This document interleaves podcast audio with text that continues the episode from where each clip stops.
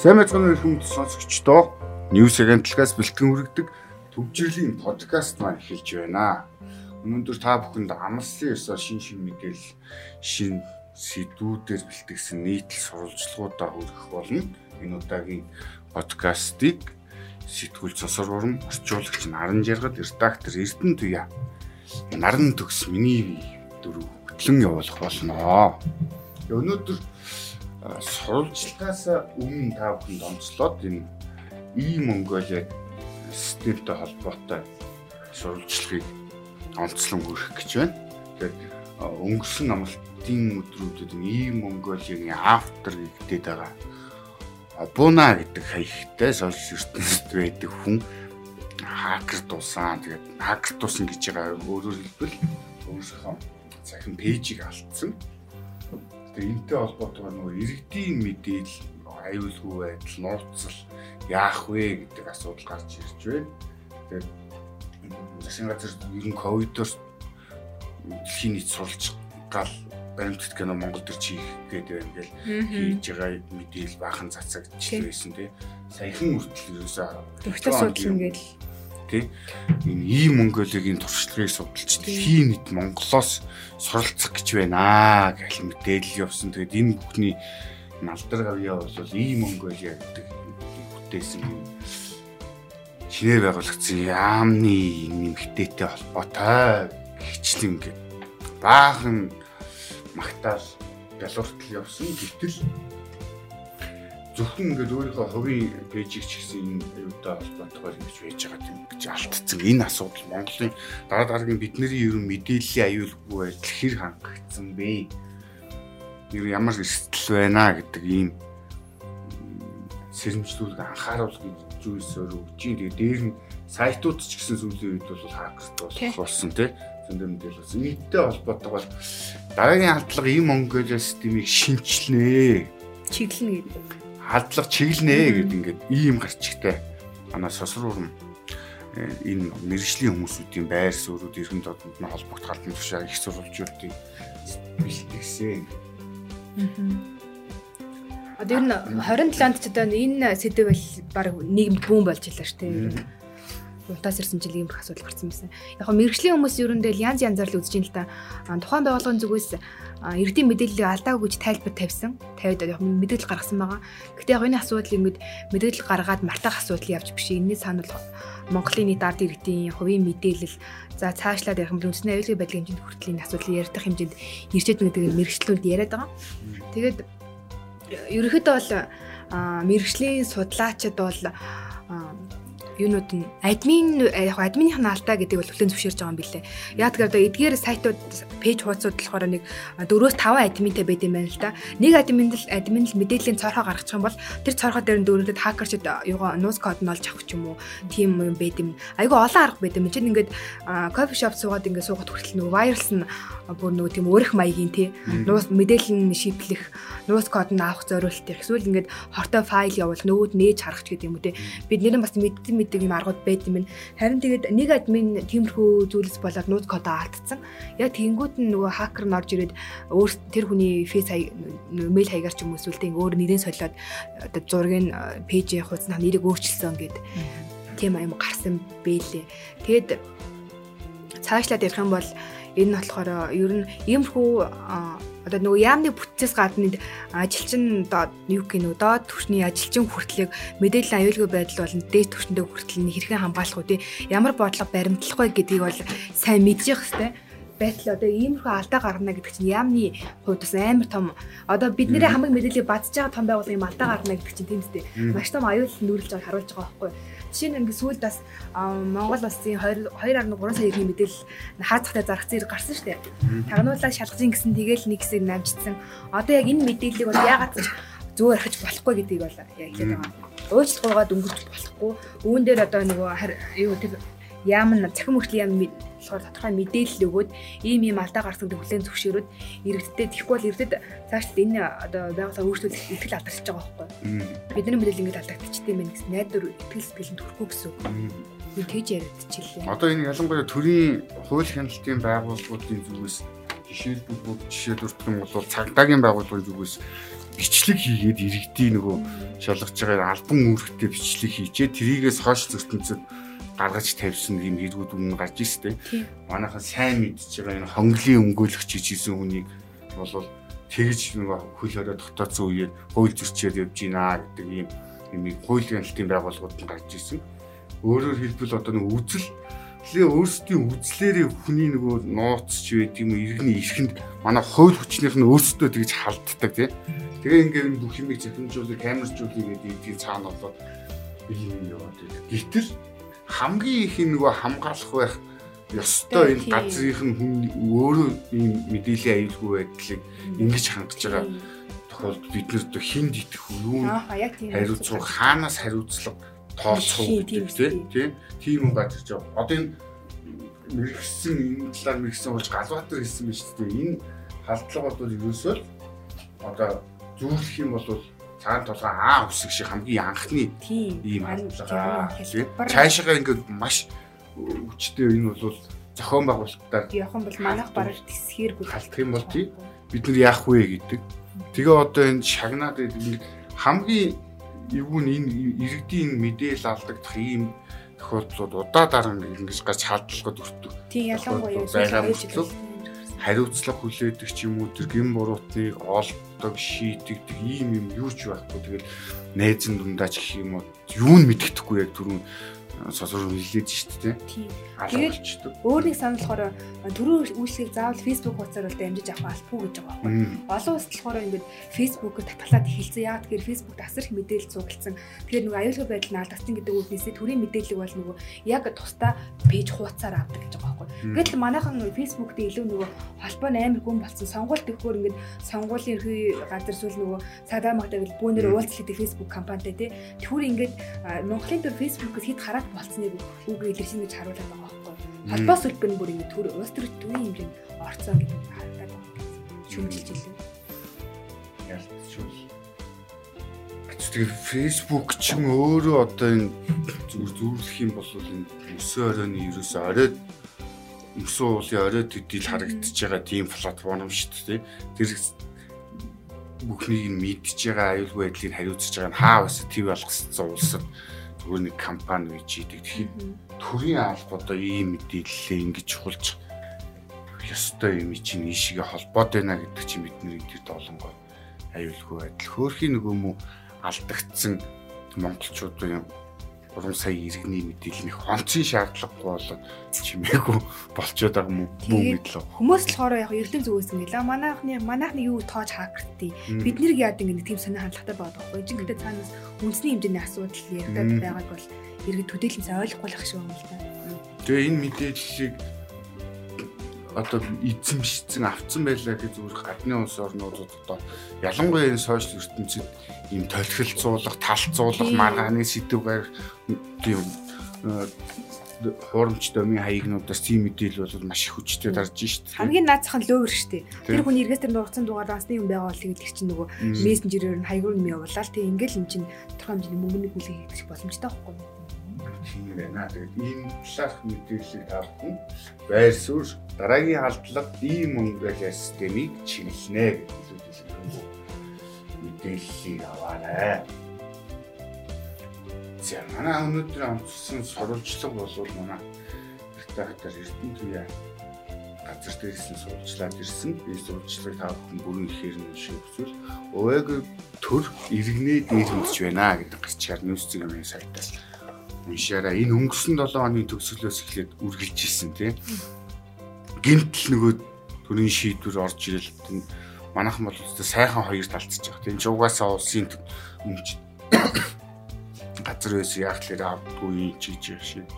Хамгийн гол нь төр ингээд шүүхээр асуудлаа шийдэлгүйгээр хүчийг үзүүлсэн дээрмийн шинжтэй байдлаар орчих шиг боллоо. Тэгээ газар дээр юу болоод өнгөрсөн 5 өдөр засгийн газрын шийдвэрийн дагуу тогтоолцсон холбогдуулаад төрийн чин бодлого зохицуулалтын газрын дарга Цэнгэл 14 тийм яам агентлагийн газрынхаа нэг 14 хүний бүрэлдэхүүнтэй багтай хамт яг намайг тэр нөө хөтлийн манай баг сурчлах багийг хөтлийн цэмж ха үлдэр цэмж хой хувьцат компанид очиход бол оцсны дараахан ирсэн яг тэгээд яг 90 ч гэж мэдэгдээгүй тэг гинтл ирсэн юм л л дээ. Тэгээ бид нэр давхцаад тэгэл үйл явдал өрнсөн юу болсон гэхээр энэ одоо төрийн шийдвэр гарсан. Засгийн шийдвэр гарсан учраас одоо бид нар ингээ өмчөө буцааж авах нь хувьчлалыг хувьчлалыг хүчрэнгүй болгоод өмчөө буцааж авахар ирлээ. Одоо ингээ шалгалт хийн. Та нар бид нарт юм маш юу шээ. Өрөө гаргаж өг Тэгээд бид нар одоо ингээд шалгалт хийн данс тооцоо тайлангч үзнэ гэ. Тэгээд ямар ч ч нэг хувийн компани, хувьцаат компани учраас төрийн байгууллага биш гэсэн хариуг те. Нөгөө компани зүгээс бол үзүүлж өгч юм лээ. Тэгэл нөгөө хоёр тал яг маргаал засгийн шийдвэрээр явж байгаа гэл нэг нь маргаал нөгөө тал нь бид нар хувийн компани учраас төр одоо хамааралгүй тий. Тийм байдлаа. Даалын төмөлцөн харин тийм хамгийн сонирхолтой нь тийм. Бидний одоо хүмүүсийн сайн олонд бол нөгөө оймс гэж алдарсан тийм. Наранбаатар. Наранбаатарын залуу тийм. Ер нь бол тэгэл харж байхад төр бол айгүй эйгүү болчихжээ л гэж харагдаж байна л л дээ. Зүгээр одоо жишээлбэл гол өмцсөн шалтгааныг эзэн өмчлөгч нь нас орсон. Тийм. Тэр шалтгаанаас л. Сэмж хоо хувьцат компани хувьцаа эзэмшигч нь нас барсан учраас одоо ингээ эзэнгүүцэн хөрөнгө байгаад байгаа учраас төр хувьдаа авч төр өөртөө авч байгаа маа гэсэн тайлбар хийж юм лээ. Энэ бол айгуу тийм арчилсан нийгэмд байж боломгүй тийм хүний эрх эрхчлүүн талцсан тий өмчтэй байх. Тэр эрх бүгд зөрчигдөж байгаа тийм амар тийм боломд үйлдэл санагдсан. Тэгээд ер нь бол одоо энэ өмч өмч хөвчлийн тухай хуулиараа бол том хүн бол өмчлөх гээд ингээд өв залгамжлалын өгсөлтөд тавьсан байгаа юм лээ 2021 оноос хойш. Аа аав нь бол 20 2018 онд нас бараад тэгээд жилийн дараа өв залгамжлалын нөх эрхэн нэгт юм лээ. Тэгээд 2021 оноос хойш хөдөлж байгаа. Тэгээд ер нь ингээл 21 оноос хүсэлт гаргасан гэхэд жилийн хугацаанд натратанч баталж өгдгүү те тэгэл албан угаас л цаанаас ангил зохион байгуулалттайгаар өв залгамжлаа асуудлыг гацааж ийн гэдгийг бол өмгөөлөгч нь хэлж ин л тэгээ. Энэ сурвалжсан дээр бас нэг хүний хэлсэн ишлийг иш татсныг анхаарал татсан. Нямдарч идэг үний тийм. Засгийн газар хэрэглэх газрын дарга одоо хууль зүүн үе үеийн мөнхийн сайд гэж хэлж болохоор бидний хэлдэг тийм нямдарч чи үзв хашиг хэмжээсэн бэ гэхлээр хөтлийн цементийн үйлдвэрийг баг эзэнгүү өмчөө гэж хэлсэн гэд энэ хөтлийн цементийн үйлдвэр улсын оролцоотой үйлдвэрүүдийн газрууд одоо хамгийн их бидний Монголын сайлын өмнө игддэг энэ эрдэнтийн асуудал гэхтэл энэ хүн дандаа холбогдож идэг тийм. Нөгөө нэг юм төрийн өмчт байгууллагуудад дандаа шахаа хийдэг хүмүүсийн бас нэг төлөөлөл нь өөрөө тэрийгэ тайлбарлахдаа бол хамгийн гоё аа тэгээ боломж байвал манай хүү тусалчаараа гэж үр уцаар ирсэн юм уу гэд сууж идэг нэг ийм хүн байдаг. Яг л ийм хүн шиг ийм шахааны ийм дээрэн тонолчтой суган болоод тэр чинь хувьд очисноор бол сэргийлчихэж байгаа байхгүй тий. Тэгээ өмнөх шахаа нөгөө датаас юм авч чаддгүй болсон болохоор улс төрчнөр улаараа буцааж авах гэдэг удаа дайраад байна. Бараг гэдэг нь нэг нэмдэрч сайдын биш нэмдэрч дараагийн засгийн газрын хэрэглэх газрын дарга нэмдэрчийн хэлж байгаагаар бол бараг гэдэг үг л айгүй айхтар үг байхгүй. Тийм ээ эн чинь нота асуудал шүү гэдэг нь мөр хэлчихэд байхад өгсөн хүн шиг тийм өнөөдөр өнөөдөр ингээл өмч өв залгамжлын асуудал хуулийн хүрээнд шүүхийн хүрээнд шийдэгдэх гээд асуудал хүлээлгэж байгаа хүлээгж байгаа энэ процессын үед ингэж төр дээрэмдэж авч байгаа нь хамгийн амар байгаа байхгүй. Манай төрөв тэгтээ нэг юм айгу муухай тактиктай болж байна. Эхлээл нөө мэдээллийг те зөвч байсан буруу ч байсан сэдвүү тийм одоо нэг нийгмийн сэтгэл зүг бэлтэж байгаа л тийм одоо нийгмийн сүлжээгээр тийм захим сүлжээгээр эсвэл тодорхой нэг хэвлэл мэдээллийн хэрэгслэр ингээл сэвж сэвж балбаж балвж байгаа л. Өстой нэрийн мянга бодлыг мянга хэлвэл үнэн болдог гэдэг шиг л тэгэл өстой үнэн болтолно балвж байгаа л тэгэл асуудлыг шийдэг. Нэг тийм муухай энэ зүйл ажиглагтаад байна. Одоо энэний өмнө бас нэг яг ийм нэг дээрвийн шинжтэй нэг үйл ажиллагаа салхитын мөнгөний орт дээр болсон шүү дээ. Манай улсын хурлын дарга өөрөө энэ юу хэрэглэх газрын дарга байхдаа ирээ хувцс өмсөө тий хүүхд насны мөрөөдлөө биелүүлэх гэж байгаа мó яах гэж байгаа юм гэж тусгай албаныхантай очиж хамгаалтынхын дайрч орж ийсэн тий Тэгээ нөгөө нэг энд холбогдсон гэдгийгсэн шүүгчнэр нь яд бороо нөгөө холбогдсон авилга гэж сивэлээсэн сивэлээсэн хонглын шүүгчсэн буцаад гин буруутай нотлохдохгүй албан тушаалда нэгээс бусд нь бол томилогдсон байх жишээ нэг тийм. Тэр нэг ийм байдлаа нэг юм коммунист арга байдлаар дандаа иргэдийн хувийн өмчрүү халтсан юм ярьдаг. Эсвэл ерөнхийлөгч болсон хүн одоо ерөнхий сайд байж их та чөлөөт эдийн засаг гэж байхгүй. Төрийн оролцоогүй эдийн засаг гэж байхгүй. Хэлээд идэг тийм. Ер нь хүмүүсээс ингээд асуусан сурвалж яхад ер нь жоохон хардлагууд байгаа юм байна л дээ. Тэр ингээд өөртөө авчаад ер нь хятадтай энэ үйлдвэрлэлийг цааш нь хөгжүүлэлтэй ашиг олох тийм ер нь хардлага бол байгаа шүү гэсэн тийм санаа хэлж байна л. Тэгээ ер нь энд нэг анхаарамаар юм одоо нэг нэг өмчтэй байгаа биш хуульч нөгөө мэрэгэн мэрэгэн хуульч энэ юм дээр хууль зэмсэлцээ үзүүлж байгаа юм байлээ. Тэгээ яг хэлж байгаа нь бол монголчууд ер нь ингээд өв хөрөнгийнхаа те нөгөө нэг өв залгамжлал гэрээслэл гэдэг юм ер нь бичиж сурмаар гэж айгу ярилцлагандаа тэгж онцолж юм лээ. Мэрэгэн мэрэгэн хуульчтай хийсэн ярилцлага бас манай дээр харна. Эндээс сонирхож уншаад бас сонин сонин санаанууд бас айгу сайн талсан. Хүмүүс бас тэг тэр болгон тэг тий. Хууль эрх зөв хүрээнд чи ер нь тэр зүг рүү явуулахыг хичээдгүү тий. Нөгөө тэтгэврийг өвлөдөг тухай ярихлаар хөгшчүүл муухай юм бодно гэд нэг нэг нэг нухна гэж бодоод байдаг тий. Яг нэг талаар бас монголчууд нөгөө нэг муу ёр гэдэг тий. Тэр чинь бас тийм биш ээ гэдэг санааг бол бас хэлж ин лээ бас хүн болгон бодмоор л юм билээ. Орчин үед одоо жишээ зөв. Тий. Одоо жишээлбэл ингээл аав нь хүчлээ ш Эм чинь ингээл булаагаал авцсан да ямар ч ялгаа тийм. Тэр хүний эрх гэдэг юм бол энд нэр үнэхээр хүсэр хаягдж байна.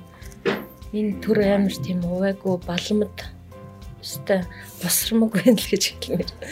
Тэгээд ийм болсон мөртлөө нэг одоо энэ хөгжлийн банкны асуудлыг буцаагаад чимээгүй араанд нь оруулж шít энэ мэт юмнуудаар ингээл өдөр болгон хүмүүсийг нэг бухимдуулсан нэг юм айдас үүс давтуулсан сэтгүүл зүгээр ингээд тоглоол.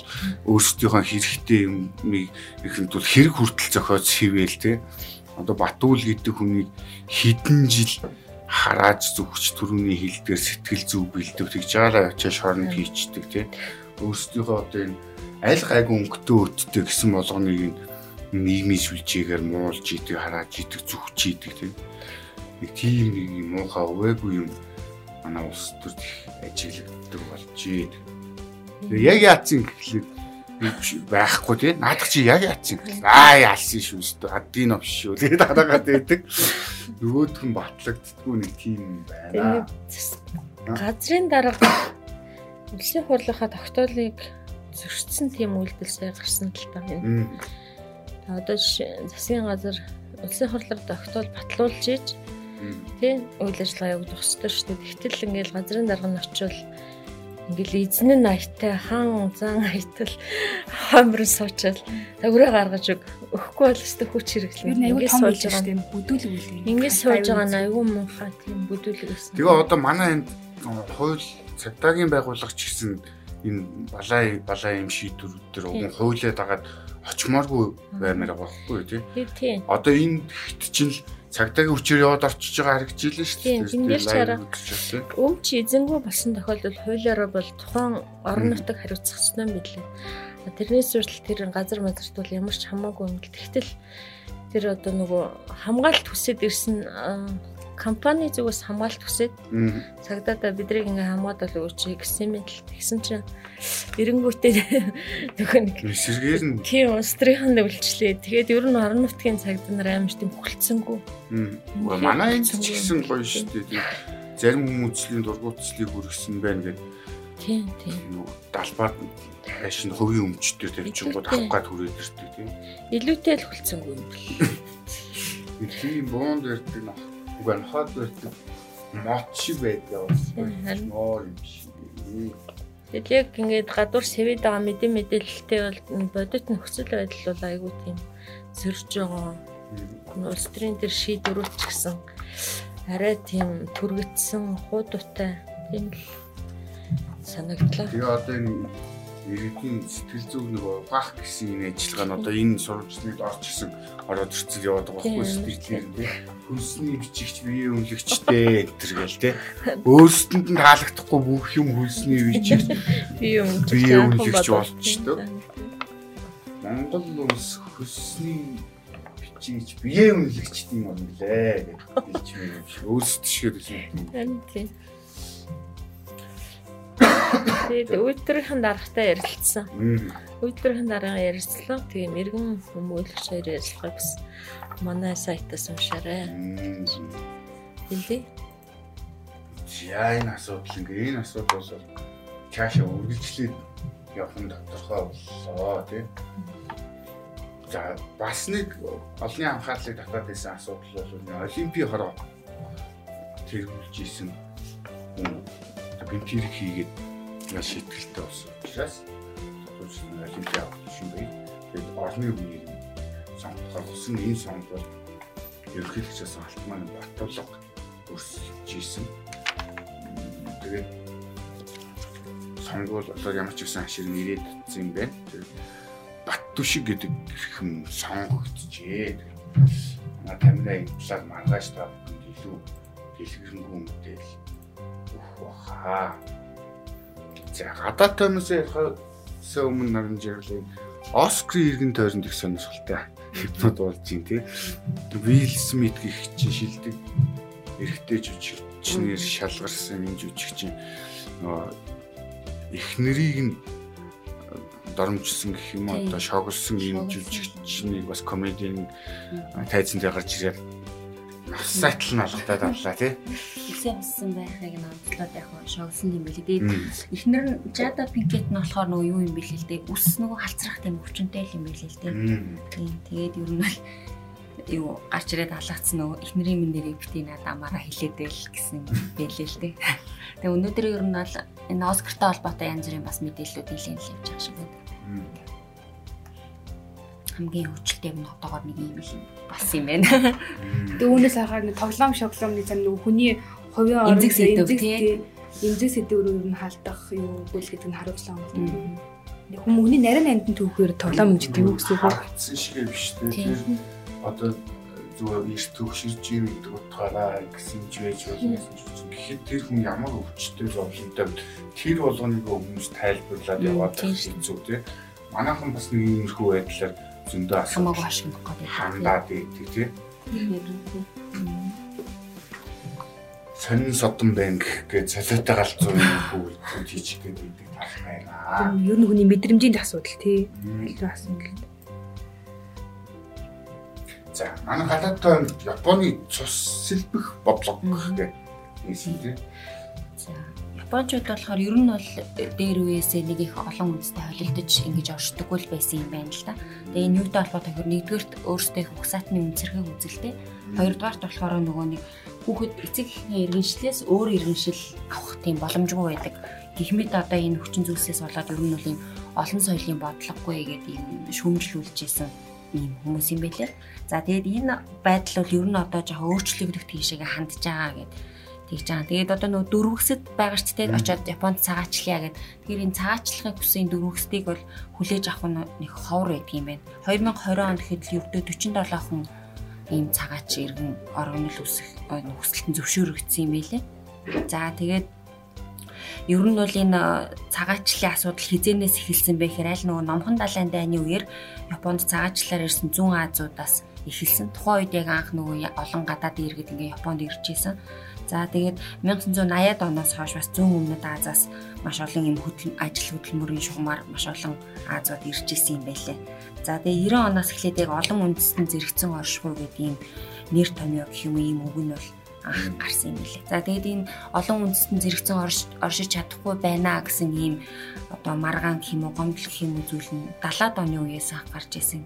Энэ ямар үе вэ гэхээр нөгөө нэг дэлхийн 2 дугаар дайны дараа бас нөгөө хоёр солонгосын дайн залгуулад тухайн үед маш олон солонгосчууд Японд ирж суурьшиж исэн одоо алтан болон алтан бусаар маш их олон солонгосчууд суурьшиж исэн. Тухайн үед тэр солонгос хүмүүс болохоор нөгөө яг ийм олон үндэстэн зэрэгцэж орж чадахгүй байна. Ийм ижил тэгш бус байна гэсэн ийм гомдол бол анх эсэргүүцэж дуугарч исэн юм байлээ. Тэгээ тэр үед ерөнхийдөө нөгөө Японд бол ойролцоогоор 2.4 сая солонгосчууд байсан юм байлээ. Маш олон солонгосчууд байсан гэд ицсэн мөлий. За тэгээд нь бол энэ бодлого нь болохоор ингээд 95 оноос эхлээд харьцангуй зөөлөрч эхэлсэн ингэж үзэж байгаа юм байл. 95 онд энэ нөгөө нэг их алдартай хан шин аваажигийн газар хөдлөлт гээд болсон. Энэ газар хөдлөлтийн дараа болохоор яг энэ олон үндэстэн төвлөрсөн ийм одоо үйлчлэгээ үзүүлэх төвүүд нэгдээд энэ нь зүйлдээ ингээд Токиод Осака тэгээд энд тэнд нэгдэж эхэлсэн юм байлээ. Олон хилээр энэ гадны янз бүрийн хүмүүс зөвлөгөө мэдээлэл хүргэх зориулалтаар нэгдэж байсан юм байлээ. За тэгээ энээсээ цаашаага ахаад ер нь бол 2005 онд болохоор олон үндэстний хамтын амьдралыг дэмжих хороо гэдэг ингээд байгуулад ер нь бол ингээд баажмаар баг багаар ингээд олон үндэстний бас дэмжиж эхэлж байгаа юм билэ. Тийм. Тэгээ одоо бол нөгөө нэг харьцангуй гайг болсон. Хамгийн сүүлийн жишээ гэхтэл нөгөө нэг сая олимп дээр гэхт нөгөө ирлиц тамирчин олимпийн бамбар асаалаа шүү дээ. Тэгэхээр эндээс харж байгаад ер нь бол энэ японочууд ер нь иргэн харьяалал үндэсний өслийн тухай ойлголтоос харьцангуй өөрчлөгдөж байгаа юм уу гэсэн ийм бас таамаглал байх шүү гэлээ. Тийм. Энэ тэгээд японочдын бас нөгөө гэрлэлт Тийм хамгийн гол нь юутай холбоотой гэхээр нөгөө нэгдүгээрт их нөгөө хөшрөлт ихтэй байна те ерөөсөө хүмүүс нь хүчрэхгүй хин цаашаа юм тэгээд хөдөлмөрийн насны хүн багасчихсан байна. А дээрэс нь хүмүүс нь залуус нь хоорондоо гэрлэхгүй шинэ хүүхэд төрөхгүй байна. Тэгэнгүүт нөө гадаадын ажиллах хүчнийг маш их авах шаардлагатай болсон учраас өөрөөсөө 2019 онд нөгөө цагаачлалын хяналт болон дөрөвсдийн хүлээн зөвшөөрөх хуулиа бас шинчилсэн юм байлээ. Тэгээд ер нь бол визний визний бас тусгай хөтөлбөртэй болоод ер нь бол цагаачлалын бодлоготой нэлийн өөрчлөлт оруулж байгаа юм билээ. Яг энэ байдлаараа ингээд өөрчлөлтөд хадгалаад явах юм бол 2000 За эзэн чи хэдэн он гэсэн бэ? 2040 он гэхэд ер нь бол гадаад ажилчдын тоо нь 4 дахин нэмэгдээ 6 сая гаруй болно гэдэг JICA-гаас гаргасан таамаглал бас байгаа юм билээ. Тэгээд ер нь бол нөгөө бас гадаад ажилчид зөндөө байгаа юм шиг мөртлөө бас нэг жоохон эргэтгэж бус байдал анзаарагдал гэдэг юм байна л да. Энэ нөгөө гадны ажил гадаадын иргэдээс авсан нөгөө судалгаан дээр ийм гадуурхал хэрэг мэдэрдэг вэ гэдэг юм 15 онд авч исэн судалгаан дээр бол жишээ нь 7.5% нь байнга мэдэрдэг гэдэг. Хизээ мэдэрдэг гэхээр энэ 51% нь орон суу цайхаж байхдаа мэдэрдэг. А 33% нь бол ажил яах үедээ ялгуурлан гадуур мэдэрдэг гэдэг бас тийм зүйл бас байгаад тах шүү. Тийм. Тэгээ одоо бол ерөнхийдөө нөгөө сүүлийн 20 жилийн хугацаанд бол харьцангуй нөгөө маш олон гадныхан байдаг болчихсон энэ тэнд дэлгүүр оршинд ороход ч гэсэн гадныхан айгүйх ажиллаж байгаа учраас бас Япончуудын хувьд ч гэсэн бас дасал болчихсон. Ер нь л хүн ам зөөрөө төвширч байгаа энэ үед ер нь гадныхан хэрэгтэй болж байна гэдгийг хаанаас ойлгож байгаа болов гэсэн мэлээ. Эрдэнэт ажилтны сайд Эрдэнэт байж их Японд жигт бас нэг сонин статистик гарч ирсэн. Тэр юу гэхэлэр эрэлтийн нөгөө дунд насны статистик. Эрэгтэй хүн 37, эмэгтэй хүн 35 гэдэг дундч гэрэлтийн насны болцсон. Тэгэд энэ хоёрын чинь ингээд дундаас нэг л хүүхд таардаг шиг олон хүүхд байхгүй. Дандаа хүн ам хасахдаг тал руугаа явж идэг. Тэгээд дээр нь Японч өөрөө хөгжил өндөр түвшинд очсон нөгөө хөгжлийн сүлдээр биш. Ирчүүд нь бас л яг манайхан шиг нэг тийм жоохон тааруу ажил хийдэг ч юм уу эмэгтэйчүүд нь илүү нөгөө худалдаа авалт хийдэг. Илүү амьдралын болцоо боломжтой болсон. Тэр нь одоо янз янзын нөгөө хүний биологийн хэрэгцээг хангадаг юмнууд гараад ирсэн. Тэгээ амьдралын хэм маягууд нь бий болсон. Тэгээ Тэгээ ганц бие амьдрах хүмүүс амар их юутэй тийм бодолтой хүмүүс амар их талж. Тэгээд ингээд амьдрснаас роботтай амьдрсан дээр олчихсан. Хэцүү нөхцөл байдалд болцсон ингээл тэгээ тэрнээсээ болж их залуучууд нэлээ их уудаг яадаг болж юм. Манай дээр ч гэсэн яг тийм юм харагдаад байна. Одоо яг тийм тийм залуус тийм тийм ялгуурлан гадуурлалт бол тийм гадны иргэдэг бол эмхтэй эрэгтэй хүмүүдээс огт өөр өөр тийм. Одоо Хакухатай гэрэлцсэн Япон бүсгүй бол монголчууд бол нэг муу хэлэхгүй тийм. Энийг эмхтэй одоо гадны хүнтэй гэрэлчих юм бол тэгэл нөгөө төрөний хэлдэг муухай муухай үгээ хэлээл тийм. Нөгөө Японд явж явах нөгөө юу яжсэн шүү дээ. Охтууд нь нөгөө настай хүмүүс өсөлт нөхдөг болсон. Би тэр нөгөө бас хүн амынхны нөлөөлдөг гэдэг юм ярьжсэн. Сонир гажлаа нөгөө хөгжлийн хөгжлийн дээд түвшинд хүрэх тусмал илүү гажрам гардаг юм болов уу гэж би бас бодчихсон. Яа яа. Тэр хөгжөө хүн бас нэг сайдайхан боломж байгаад гэж байна. Тэ? Бид чи одоо айхтар хөгжсөн бол улс орон шиг бусад улс шиг дайм байлтай хийн яа нуу заа нуу манай наа хүлээ компаниуд маань хориг тавиулахгүй гэж зоохгүй тий. Бас тийм боломж вэ шүү. Манайхтай манай Япон манай хоёрын тийм соёлын ярьцыг харахад бол амар шигтэй. Гол зөрүүлтэй шүү дээ. Тэгээд Японы өглөө нь харж явахт ингээд л ажилт нь өглөө нэрт ажлаасаа ирэл ажлынхаа гадны хогийг ингээд те нэг шиг тамхины юм уу цаасны хог байсан ч гэсэн нөгөөтгөө ингэ түүгээд тиймэр тийм юутай. Итгэвтэй тий тэр их орноо нэг аятайхан сайхан байх юмсан гэсэн нэг тийм гоё бодолтой ч биш гэж санагдчихсэн. Японууд ч бас их соёлтой их гоё илдэг соёлтой юм шиг бүртлээ сайн хүүдэг гэсэн юм. Робот шиг. Нэ би мэдээж магадгүй шүү тийм. Тийм. Тийм. Тийм тийм байж яг нэг ажилтай болж байгаа хэлсэн тийм. Мэн тэр бол ангаатлан ангаатлан усж байгаа. Тийм шүү. Нь манай Азиуд нь сонин сэтгхүүдээ хүмүүс. Япон монгол хүмүүс зэрэгцэж ажиллахад бас аягүй хэцүү байдаг шүү дээ. Одоо ингээл Япончууд бол бүрийг чи яг хэдэн цаг хэдэн минутанд энийг хүлээлгэж өгөх вэ манайхаа удаас нь бүр дараг зэрэггүй бүгдээр аа тэгж байгаа болно доо гэж тэгчээд ингээд тодорхойгүй юусэн. Ер нь тэгээд Япончууд бол бас идэж ууж байгаа хүнсэн ч гэсэн тийм нэг чанартай ер нь муу юм хэрэглэдэггүй шүү дээ. Нар ч гэсэн уг тиймэрхүү. Тийм тийм баг баг юм ч гэсэн тийм бүгдээрээ бас шингээгээд Яаж л ажлынхаа эргэн тойронд байгаа хогоос байвал бас нэг төвшил болох юм. Зүгээр одоо энэ хажуугийн барилгыг ингээд харж ирж чинь нэг хэдэн Монгол хэдэн хятад хоёр бидний муу хэлээд хятад ажиллаж байна. Хятад нь хүний хувьд бол ижилхэн тэр хүмүүс. Монголчууд нь 3 давхар байрлал барьж байгаа нөгөөдүүл нь 9 давхар байрлал барьж байгаа. Ингээ харахад монголчууд ингээ бөөнөрөө тамхиа татаал ингээл сууж байгаа. Нийт цай сууг дээр ингээд бөөн бөөндүүд. Хятадууд ингээд тус тусдаа тамхиа татах нь татаал ингээд ингээд яваад. Тэр нь тоос зогсохгүй мөнхийн юм хөдөлгөөнтэй. Тэр тоос зөөхөд монголчууд нь баах нэг угаалж авч байгаа ганцаараа гарч. Ингээд ингээд айглаа сууж их нөгөөдөл нь цуурц зогсчихж байгаа л нэг нэг юм шидэ шидэ ялзуулаа хийж байгаа. Мандаг тий. Их мэдчихсэн тэгээд юм байна монголчуудаа муулах гэсэнгүү. Тийм ээ. Бодит байдал юм байна. Тэгээд өнөөдрийн подкастын цаг энэ түрээд өндөрлөж байна. Маргааш та бүхэнтэйгээ илүү олон мэдээлэлтэй иргэн уулзцаая. Баяртай. Баярлалаа. Баярлалаа.